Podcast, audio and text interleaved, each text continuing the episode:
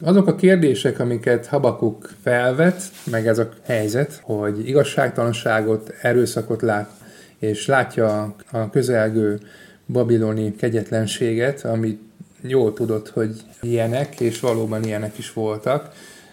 Ezek a kérdések a mai kor kérdései is. Gonoszság problémáiról és Isten jelleméről lehet elgondolkozni ennek kapcsán.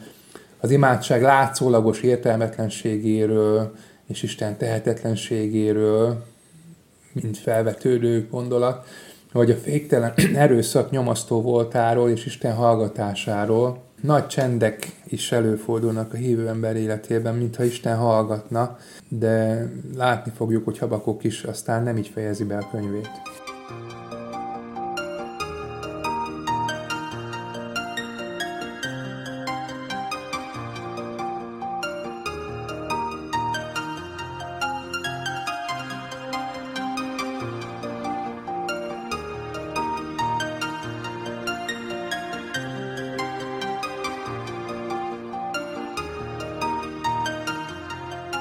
Nagy szeretettel köszöntelek benneteket, ez a Biblia és Bölcsészet Podcast. Vas Ferenc. És Sinka Csaba. A mai alkalommal két kis profétáról fogunk beszélni, Habakukról inkább Csabi, Haggeusról inkább én. Igyekszünk most már véget, végére érni a kis profétáknak, reméljük áldással lesz mindaz, amit hallgatottok és megértetek ezzel kapcsolatban. Csabi, akkor mi az, amire jutottál? Most egy kicsit többet foglalkoztál Habakuk profétával. Igen, Hát nagyon különleges ez a három fejezetből álló kis könyv is, nagyon sok érdekességre lehet rábukkanni, ha az ember csak párszor végigolvassa akkor is. De azért picit utána néztem dolgoknak, például a nevének a jelentésénél már így érdekes, hogy megáll, megállunk itt, akkor kicsit bizonytalanok vagyunk, hogy mit jelent a neve. Három lehetséges értelmezés is van. Emelkedő, felemelkedő, amit ha elfogadunk, akkor az Isten terveinek és a cselekedeteinek a felsőbbrendűségét hangsúlyozhatja a néve ilyen jelentése. Emelt kezek, ez pedig az imádkozás, a dicséret cselekedetére utalhat, de van, akik szerint azt jelenti a neve, hogy a kétszeres vigasztalás, vagyis, hogy Isten kétszeresen is vigasztal egy ilyen helyzetben, amiben hamakabak volt, a proféta és a nép számára is érkezik vigasztalás tőle. Mondtál egy érdekességet a nével kapcsolatban, Feri. Igen, tehát a Septuagintában, ha keresitek Habakuk proféta könyvének, nem fogjátok rátalálni, mert Ambakum néven szerepel, tehát sok érdekes név van ott nekünk protestánsoknak a Septuagintában, de Habakuk egy más néven szerepel, mint ahogy mi ismerjük.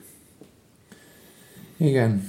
Nagyon fontos szinte mindegyik profétai könyvnél, de itt is, hogy azért azt a tisztában legyen az ember, hogy milyen történeti háttérben szólal meg a proféta.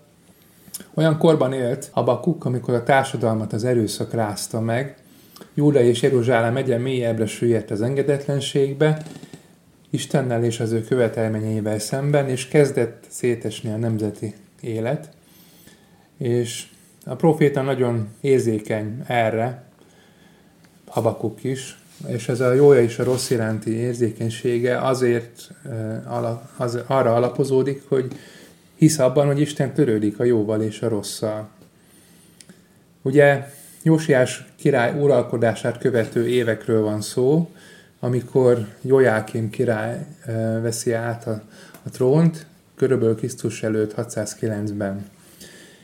Jósiás igazságos király volt, Isten törvényei szellemében uralkodott, Jeremiás így ír róla, jogához segítette a nincstelent és szegényt, ezért ment jól a dolga, 22. rész 16. vers eleje.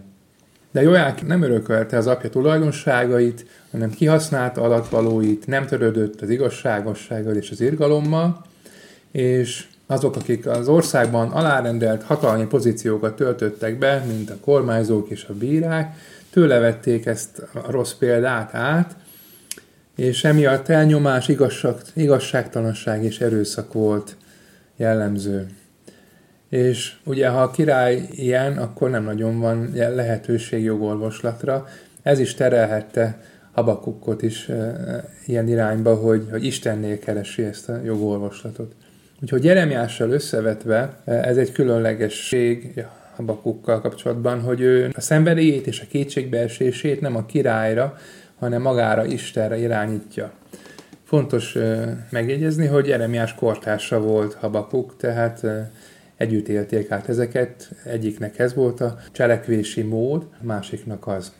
Igen, és akkor itt teszem hozzá, hogy ez az érdekessége az itt történelemnek, illetve Izrael és Júda történelmének, hogy Jósiás király jó példájából a saját gyermek egy rossz példát vesz le. Tehát azt mondja, hogy nem működik, mert Isten nem áldotta meg az apámat azzal, hogy ágyban párnák között 95 évesen hal meg, most ugye kicsit pszichológizálunk, hanem egy egészen más viselkedési mintát vesz föl, ami ugye nagyon jellemző ugye Izrael népére is, meg a személyes életünkben is, hogy a jó példából is lehet rossz példát meríteni. És ugye a rossz példából meg még inkább rossz példát, ugye, ahogy mondtad, hogy a vezetők a királynak a rossz példájából merítenek.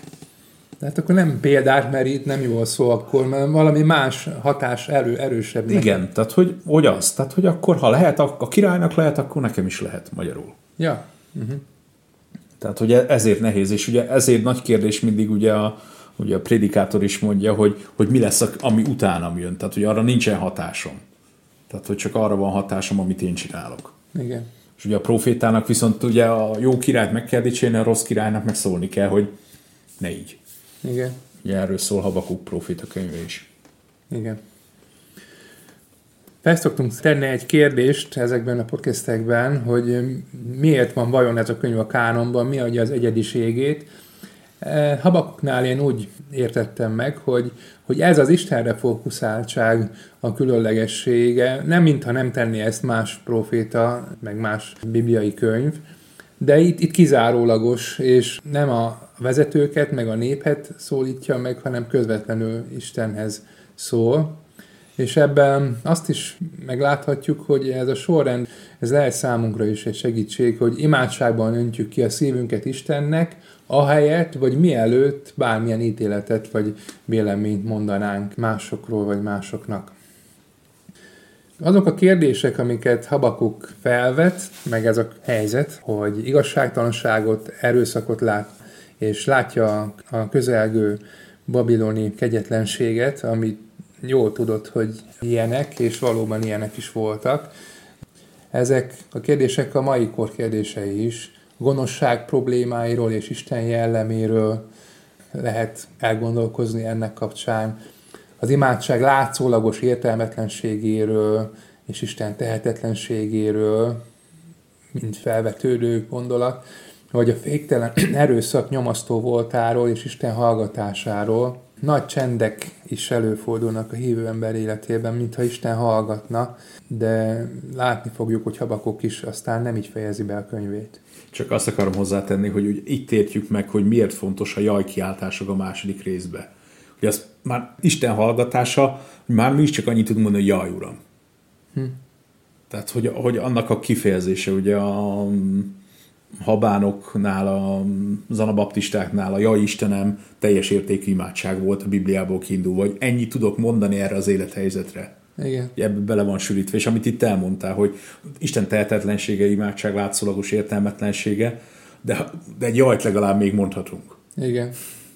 Mondjuk nagyon érdekes, mert a Veritas kiadó úgy hozza ezt a könyvet, hogy a jajmondások azok be van pirosozva, hogy, hogy Isten mondja, hogy jaj, nektek, ha ilyenek vagytok. De ez gondolom, hogy egy vélemény, hogy ők így értelmezik. Hát ugye a felkiáltó szónak ez a lényege, hogy benne lehet a figyelemfelhívás, benne lehet a keserűség, tehát hogy érzelmeket közvetítesz. Aha. És akkor most az Isten érzelmeit is beleláthatod, meg a saját érzelmeidet is. Igen, ja, lehet. Hogy Isten jajgat felettünk, tehát azért akkor már érezzük, hogy nagy a baj. Hát biztos, az biztos. Habakuk eljut a könyve végén oda, hogy látja sok bajt, meg is fogalmazza többféleképp, de a legvégén itt ilyen félmondatot olvasunk, hogy mégis víg örömre indít szabadító Istenem. Hát ez váratlan, mindazok fényében, amiket előtte ír, de egy évet rajzol ki, és igazából egy fő gondolata lehet ennek a könyvnek, vagy egy nagy segítség lehet, hogy, hogy ezt az évet próbáljuk követni, hogy Habakukhoz hasonlóan mi is elkezdjük így, ahogy ő az első fejezetben felveti, hogy meddig, Uram, miért, Uram, és jó is, ha így kezdjük, mert sokszor felületes a hitünk, ha rögtön a megoldással akarunk foglalkozni. És aztán végig megyünk a folyamaton, ami, ami vezet Habakuk is, és eljutunk a dicsérő énekig a, a harmadik rész végén. A proféta tapasztalata, ahogy megerősödhetünk a bizalomban, ha Istenre figyelünk. Van egy különleges párhuzam, ezt még majd szeretném megemlíteni ezzel kapcsolatban, ami eszembe jutott. De előtte még azt is megfigyeltem, hogy, hogy ebben is jó látnunk példaként Habakukot, hogy három rövid fejezet, de háromféle stíluseszköz egy-egy fejezetben, ami elénk jön. Az első fejezet egy párbeszédes forma, megszólítja a miértjeivel az urat, ő válaszol, és egy üzenet, hogy Isten megszólítható és párbeszédbe lehet vele kerülni. A második fejezet eleje egy, egy hangsúlyos rész, ezt is kicsit mindjárt szeretném kibontani röviden, de az ötödik verstől jönnek ezek a jajmondások, amire felé is utalt, és, és hat kiáltás is van. A harmadik rész pedig egy zsoltár. Még azt is megfogalmazza az elején, hogy a panasz énekek dallamára lehet ezt énekelni is akár, tehát és valóban a Zsoltárnak a stílus jegyeit figyelhetjük meg. Szóval sokféleség, de mégis az üzenet jellegzetes egységet mutat. Az alaptéma így foglalható össze, az érett hit alázatosan, de kitartóan bízik Isten tervében, hogy igazságot teremt a földön az Úr. És akkor most hadd nézzük meg egy kicsit ezt a második rész első néhány versét, ami már nagyon sokszor volt előttem, de most egészen új fényben láttam. Ugye azzal kezdődik, hogy őrhelyemre állok, odaállok a bástyára, és felveti ez a kérdést, hogy, hogy hol, hol van az én őrhelyem, mi a felelősségem. Nagyon könnyen toljuk másra a felelősséget lelkigondozói helyzeteinkben, hogy hát azért ilyen ő, mert ő maga juttatta ide magát, de lehet, hogy nekem is van felelősségem, hogy incsem, hogy, hogy lelkigondozzam, hogy segítsem.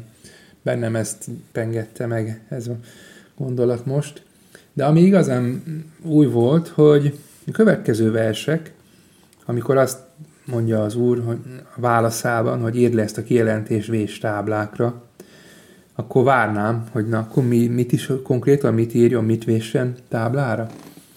És azt olvassuk, hogy eldöntött dolog már, amiről kijelentést kaptál, hamarosan célhoz ér, és nem okoz csalódást, ha késik is vár türelemmel, mert biztosan bekövetkezik, nem marad el.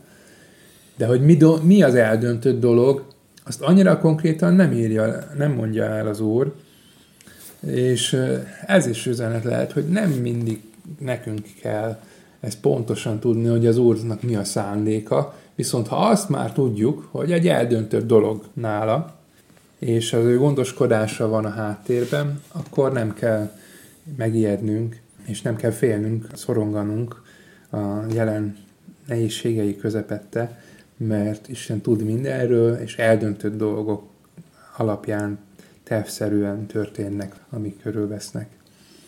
Úgyhogy Isten gondoskodása világított ki most nekem ebből a szakaszból.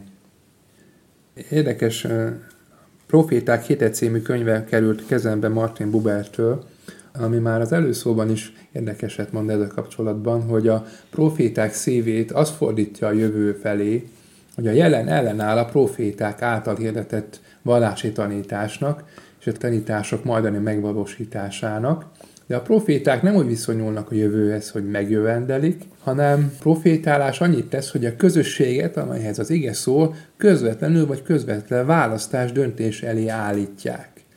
Tehát azért mennek a jövő felé, mert... Az a legbiztosabb dolog az életükben. Igen, igen, hogy, hogy a jelen ellenáll, és ide terelődik a figyelem.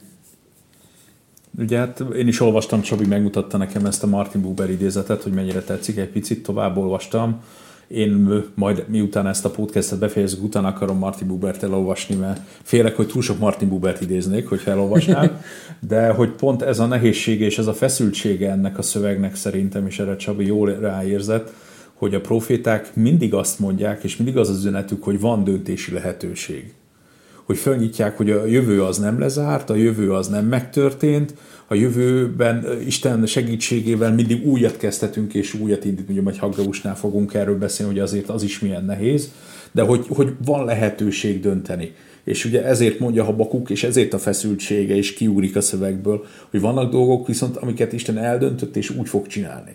És ugye nekünk erre is föl kell készülni, hogy az imádságunkban, hogy legyen meg a te akaratod, hogy Uram, amit te már eldöntöttél, azon én ne akarjak változtatni. Ami meg lehet, meg kell, azon változtassak, és az Isten segítségével, meg váltunk segítségével tegyünk valamit érte.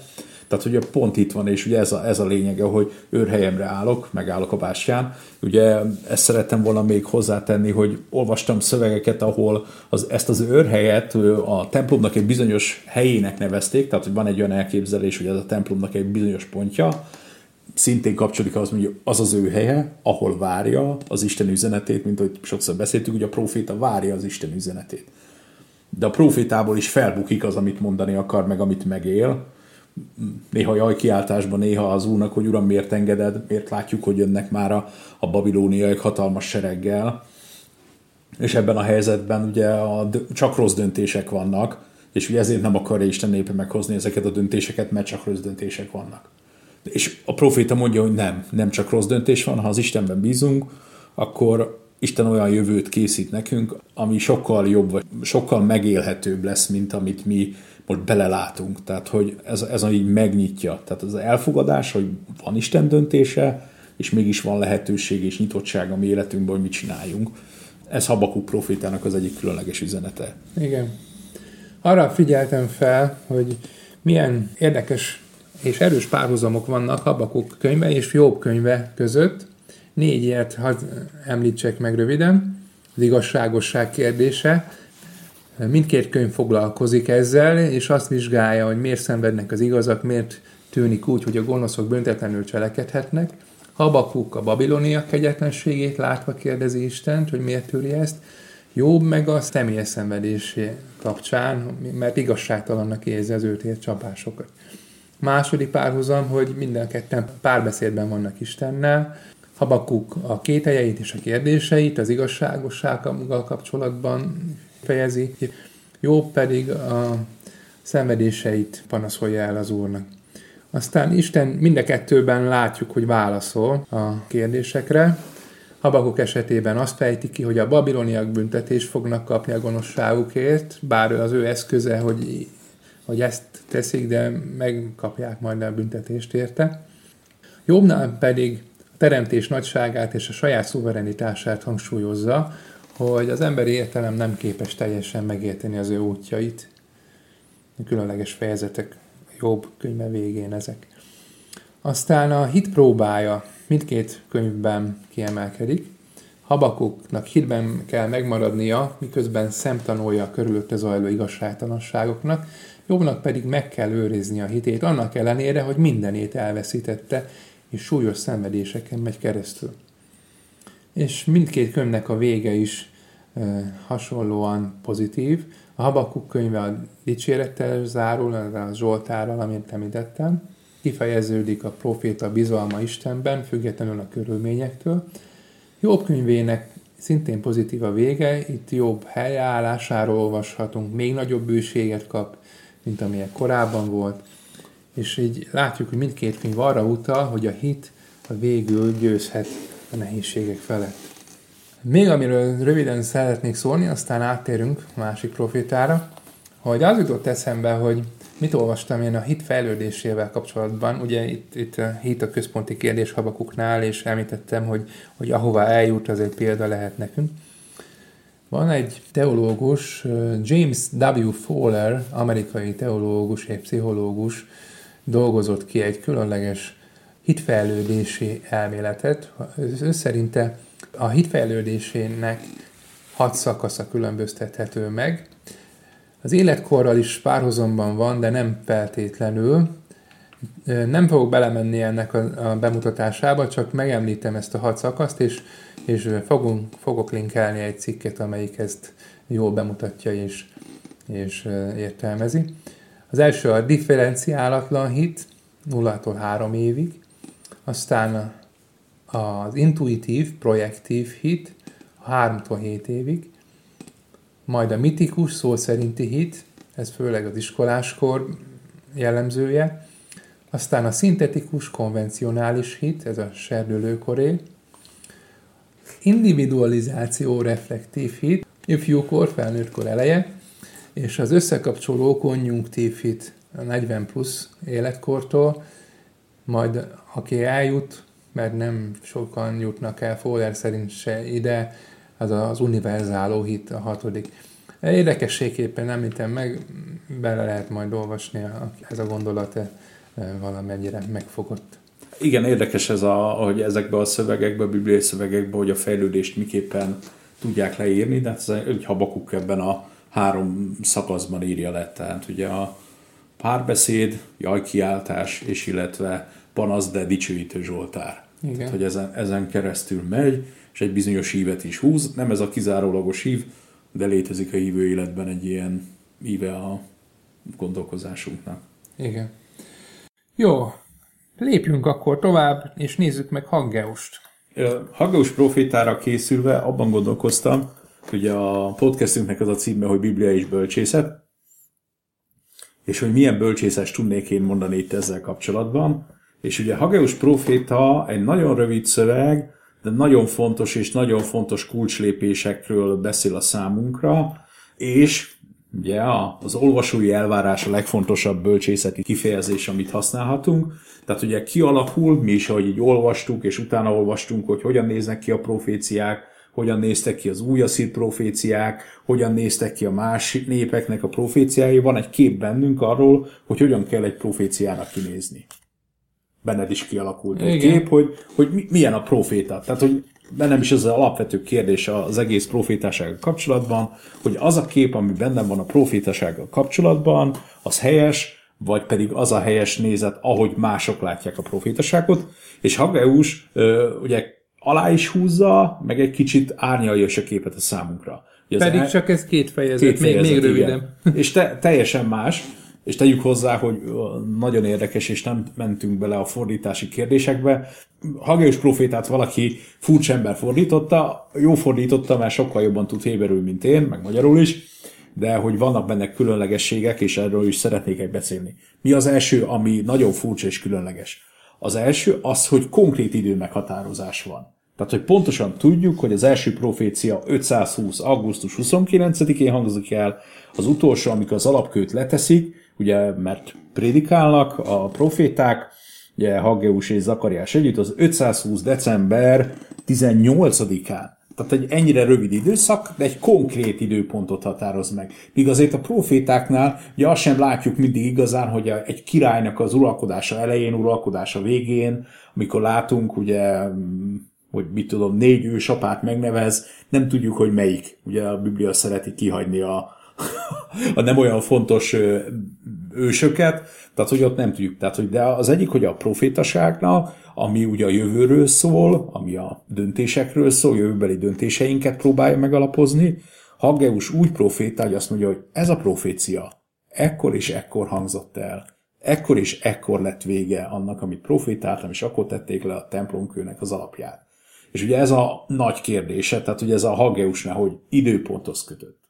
Igen. Mint hogy te mondtad, hogy döntött az úr már. Igen. Tehát, hogy míg a proféták azért az a különlegességük, beszéltünk róla, hogy a proféták minden időre alkalmazható az üzenetük, és ahogy amit mondtam, hogy a fordítással kapcsolatban, ugye én az új fordítást használom, Haggeus profétát elbeszélő történetként tördeli, itt van előttem, Csabi nyújtja elém, de valójában vannak benne költészeti megoldások is, és ezt nem emeli ki. Tehát aki ezt olvassa és figyeli, és ezt a szövegkiadást nézi, az nagyon figyelje ezt, hogy valahol költészet is a hebrajka ezt hozza is. És ugye röviden összefoglalja, hogy mi az egyedisége. Röviden összefoglalhatnám Hageus profita üzenetét, az, hogy gondold meg, és légy erős. Hm. És ugye beszéltünk róla, hogy mi a profétai üzenetnek a lényege, mivel pecsételi le a proféta, hogy ezt Isten mondja, hogy ne félj. Van, a Hakeus profétában is ne félj, de a gondold meg, és légy erős, a sokkal erőteljesebben jelen van.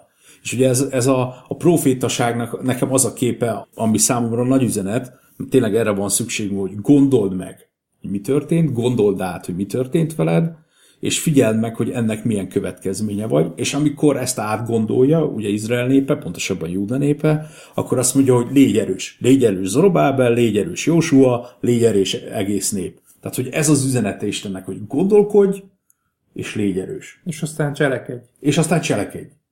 Ugye a másik érdekessége, ugye a Hageus profétának, és kicsit Zakariásnak is, ezt olvastam ugye Rodolf Kochnál, hogy ez propaganda szöveg, Hageus könyve. Hm. Tehát azt akarja elérni Hageus és Zakariás, hogy építsék meg Isten templomát. Tehát, hogy propaganda a templom megépítéséért.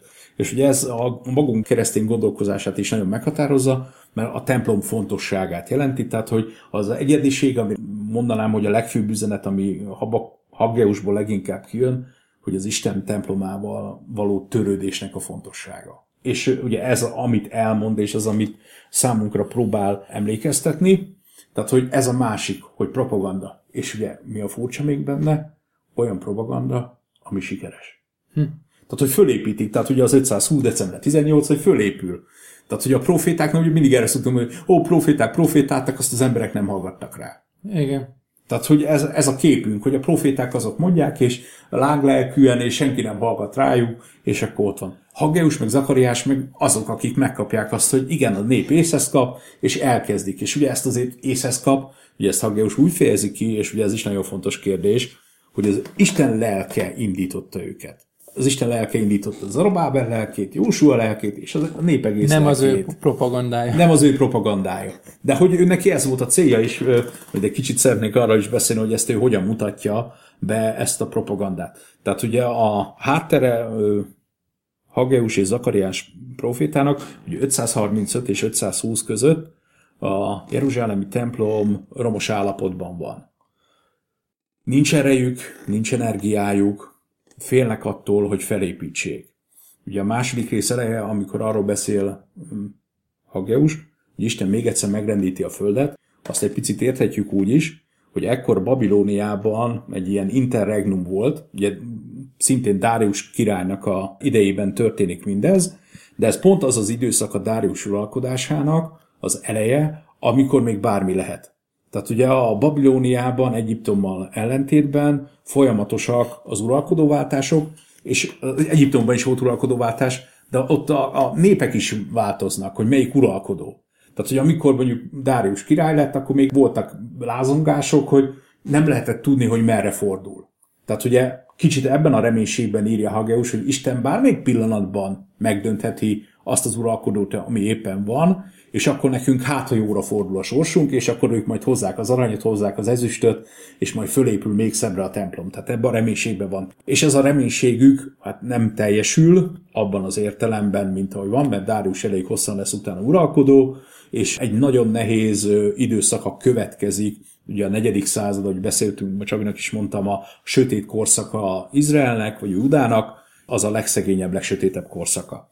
Ez a lényeg, tehát, hogy föl kéne építeni a templomot, de félnek attól, hogy mit szólnak az idegen népek, félnek attól, hogy lesz-e rá anyagi, félnek attól, hogy milyen környezetváltozás lesz, és ugye azért ez a szituáció ott van, hogy, hogy a jövő kérdéseit veti föl, mint a profécia, és miért nehéz ez a kérdés? Ugye ez, amit nem mindig értünk, hogy miért nehéz, mert ugye Izrael vallása azon alapult, hogy egy Istenünk van és egy templomunk és mindenkinek ebben az egy templomban kell időnként megjelenni, és akkor ezzel tudjuk le, és akkor le van írva, és a templomban végbe menő szolgálatok, áldozatok, amelyek biztosítják az Istennel kötött szövetségünknek a fennállását.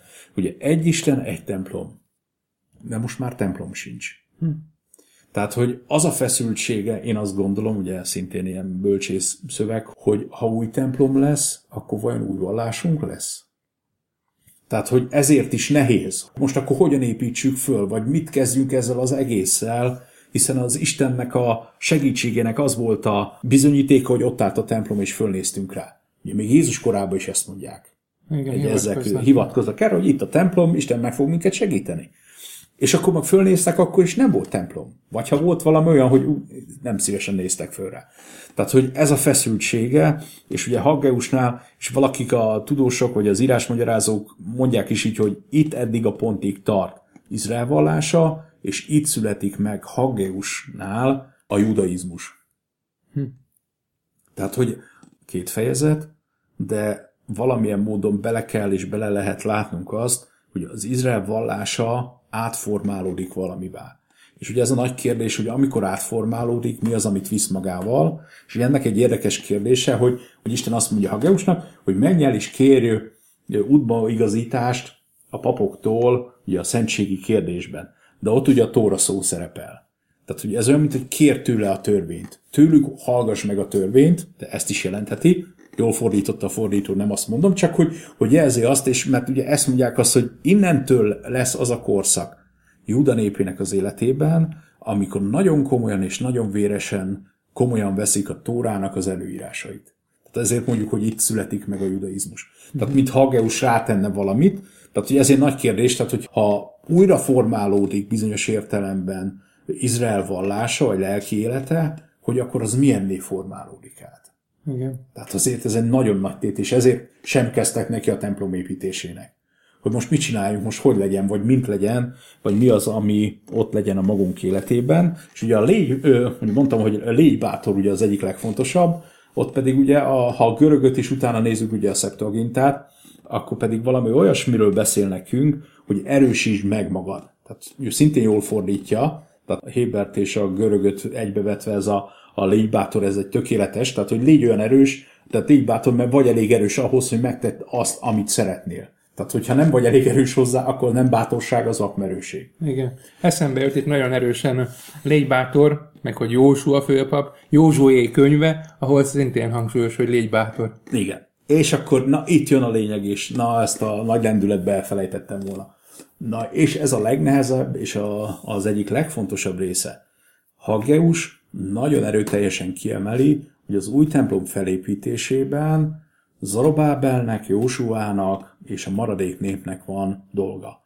És ugye ők lesznek azok, és ugye Zakariásnál szinte messiási értelemben jelenik meg Zorobábel, és azt látjuk, hogy Zorobábel és Jósua nem töltik be azt a szerepet, mint amit Haggeus és Zakariás. És ugye ez sokszor a magunk biblia értelmezésében egy nagy nehézség, mert azt gondoljuk, hogy a proféciák akkor teljesednek meg, ha kipipálhatjuk őket, hogy pont úgy történt. Zarobábel lett a messiás, Jósua lett a főpap, de erre tette fel az egyik értelmező azt, hogy miért nem húzták ki? Hát látták, hogy nem Zorobábel. Ugye mindig ezt beszéljük, hogy így átírták, úgy átírták, akkor miért nem? Ugye részint az egyik ok, ugye irodalmi, hogy azért nehéz a szövegből őket úgy kitakarítani, hogy a szöveg a koherenciája ne szűnjön meg, de a másik ott van, hogy ők egészen másképpen gondolkoztak, és az, amiről a mai alkalommal is szeretem, hogy a profitaságról, hogy egyáltalán, hogy beszélhetünk reményről, hogy egyáltalán beszélhetünk jövőről, hogy egyáltalán beszélhetünk megváltásról, mindegy, hogy az nem Zorobábelen meg Jósuán keresztül jött, de van. Igen. Tehát, hogy ugye mi is ez, ez amit ha prédikálnunk kell, tehát, hogy minden gyülekezetnek, minden közösségnek erre van szüksége, hogy ugye van jövőnk. És akkor néha nem mindig így látjuk. De ugye ezt kell prédikálnunk, és a profitek azt mondjuk, van jövőnk, Istenben van jövőnk. És Isten az, aki, aki megsegít bennünket. És hogyha éppen nem Zorobábel, na hát, a közösség jövője sokkal fontosabb, mint Zorobábel és Jósua személye. Tehát abban a korban meg különösképpen. És ez ugye ez ilyen hitbeli kérdés is válik, hogy miért nem Zorobábel, miért nem Jósua. Még néha én is ezen elgondolkoztam, hogy ez hogy, de hogy ezt gondolom az egyik helyes és jó válasznak a sok közül. Ugye, sokszor gondoltuk, hogy Zorobábel tett valami olyat, ami miatt nem teljesítette be, amit Isten kért tőle, de hogy sokkal inkább úgy kell látnunk, hogy van jövő. És akkor itt ér oda az, ami a, a Hageus profétában különösen érdekes és fontos, és most értettem meg egy picit másképpen, hogy az a kérdés, amiről beszéltem, hogy a papoktól kell felkérdezni, hogy attól, hogy a valami szent hozzáér valamihez, attól szenté lesz, vagy ha egy halott hozzáér, akkor hogy lesz. Tehát ugye egy szentségi kérdést tesz föl, hogy a halott érintésétől szentségtelenné válik, de szenté nem lehet tenni dolgokat. És Miért mondja el ezt? Tehát, hogy ez nem csak egy, ez egy töredék, de ott áll előtte magyarázatnak, hogy miért kell megépíteni a templomot. A templom a szentség forrása. Az Isten szentségének a megjelenése. Ha nincs templom, nincs szentség. És ugye ezt kicsit úgy fordíthatjuk a magunk életére, ha nincsen szent hely, akkor hogyan lenne szent élet? Ha nincs elkülönített hely, akkor nincs elkülönített élet. És ezért fontos ugye mindig itt a, a templom és imaház építéseknél, hogy ez a, ez a fontossága az épületnek. Ha van szent hely, akkor van jövőnk. Ha van szent ember, akkor van jövőnk. Uh-huh. Tehát ugye a szentség, és ezért is a zsidó gondolkozás szerint, ugye innentől kezdve talán már mondhatjuk azt, mert még inkább judaizmus tényleg, hogy a szent hely nélkül hogyan, lehet, hogyan válhat bármi szenté. Mert minden szentségtelenné vált, ugye ezzel, hogy lerombolták, elvitték az eszközöket, minden, akkor hogyan lehet, válhatna valami szenté? Hogyan válhatnék én szenté? Hogyan válhat szenté az életfolyamatom, amit teszek? És ezen küzd. Jézusnak ugye az evangéliumokban ugye olvassuk, hogy a templom kárpítja ketté hasadt, és a templomot ezáltal újra kell értelmezni. Hogyan viszonyul ez ehhez a kérdéshez? Tehát ott ugye a szentségnek, a templom kárpítjának meghasadása, az valamiképpen ugye azt jelenti, hogy a szentség kiárad ebbe a világba. Miközben a legszentségtelenebb dolog történik, a, a, az Úr Jézust megölik. Tehát ez a, a jónak a megölése azért, hogy, hogy valamiképpen Izrael népe megmeneküljön. Viszont a szentség az, az ki vagy. De mindig szükségünk van arra, magunk saját lelki életében, hogy kell lenni szent helyének. Ugye belső szoba. Igen. Nemrég prédikáltunk róla, hogy, hogy az van-e. Tehát, hogy itt azért, és akkor itt jönnek a félreértések, hogy hogyan fogjuk mi a szentséget, meg a szent helyet értelmezni. Tehát azért beszéltünk Placid atyával is már, aki megmondta, hogy neki a szent hely a gulágból. Tehát, hogy nem vele, velem róla. Vele, ja, én beszélgettem vele is, de igen? beszélgettünk, igen. Tehát, hogy a, a, akik ezt megjárták, hogy néha így mondták, és mondjuk, de hogy szent hely az, hát ott mi, mi, milyen, milyen sok gonoszság történt. Tehát a szent emberek szent helyét tették, nyilván maguk kicsi körét. Ez az, amiről Haggeus beszél, hogy hogyan jön meg a szentség ebbe a világba. És azt mondja, hogy az értelmező mondta, hogy attól még, hogy a köveket egymásra rakjuk, attól miért indulna meg a termés? Nem attól indul meg, hanem attól, hogy a szentség jelen lesz ebben a világban, és ugye azt gondolom, hogy ez az egyik legnehezebb része annak, amiben benne élünk, hogy nincsenek szent dolgok, szent helyek a, a világban, amit megbecsülünk. És ugye protestánsok vagyunk, ezt tudjuk, és ezért mondtam ezt a gulágos példát, hogy bármi válhat szent helyé. Bármi lehet. Bármelyik hely. Igen. De, de ha nincs, akkor honnan jön a szentség? Ha az Isten nem szent a számodra. Igen. És azt mondja, hogy, és, akkor azt, és ezt mondja Hageus, mivel nincs szentség, ezért nem nincs jó termésünk. Mivel nincs szentség, eszük az ételünket, és nem lakunk jól. Mivel nincsen szentség, rakjuk a pénzt a pénztárcánkba, de mindig kiesik belőle. Hm. Tehát, hogy a szentség ennyire létkérdés, és valahol meg kell találni. És ugye ez, ez Haggeusnak a propagandája, és azért ezt jó kell érteni, hogy ez egyszer történik meg. Amikor ugye a templomot, a harmadik templomot kezdik építeni, ugye ott is ez volt a gond, hogy ó, vajon ezt, miközben lerombolja, vajon föl fogja építeni. Szent marad-e attól, hogy Herodes csinálja? És ezek nagyon komoly kérdések voltak, és beszélgettünk róla, és ugye a rabbik mondják, hogy a legnagyobb trauma a zsidóság számára nem a soá, hanem a harmadik templom pusztulása. Ugye az, az, amikor azt mondja, hogy tehát honnan jön a szentség? Hon, honnan, honnan jön? Értsük jól itt most a szentséget, de talán hallgatóinknak ezt nem kell hosszan magyarázni, de hogy ezt, ezt a kérdést. És amikor minden szent, akkor semmi sem szent külön kell válni. És akkor ott álltak, hogy ugye, és akkor talán itt fejezzük be, lehet hosszúak voltunk elnézést, hogy, hogy nézik, hogy, hogy ez a legszentebb hely, de hát hogy néz ki a másikhoz képest? Hm? Hogy, hogy ez szegény, ez, nincs benne arany, ezüst annyi. Most ez, ezzel most mit kezdjünk? Tehát ott van, hogy érzik azt, hogy, hogy szükségünk van rá, de, de hogy ez, ez nem elég, és Isten válasza az, hogy majd én. Majd én adom. És akkor ők abban reménykedtek, hogy Dárius gyorsan elmegy, és kapnak egy olyan uralkodót, aki még nagyobb szabadságot ad nekik, és ehhez kaptak makajbausok korszakát, sok mindent, ami, ami nem volt olyan nagyon jó, az a következő 4-500 év nem nagyon volt jó a zsidóságnak, de az isteni az arany, és isteni az ezüst, és ha ő akarja, akkor berakja, és még nagyobb dicsőséget tesz. És ugye azért itt a, a nekünk, mint új szövetségi magyarázóknak, második templom dicsősége nagyobb, mint az elsőjé. Hm. Ja, és nyilván Haggeus, amikor hallotta ezt, nem, ezt, nem így gondolta, nem az új szövetségre gondolta, de, de hogy a mi szemszögünkből talán ez áll, hogy ezt mondhatjuk, hogy itt a proféta már arról beszél, hogy majd lesz egy következő, ami, ami még szentebb lesz. És Isten nem aranyjal, nem ezüsttel, hanem az ő szentségével. És akkor ugye jelenések könyve, a szentek imádsága, mint illat száll fel Istenhez. Köszönjük a figyelmeteket! Én is köszönöm. És olvassatok profétákat. Igen. Sziasztok! Sziasztok!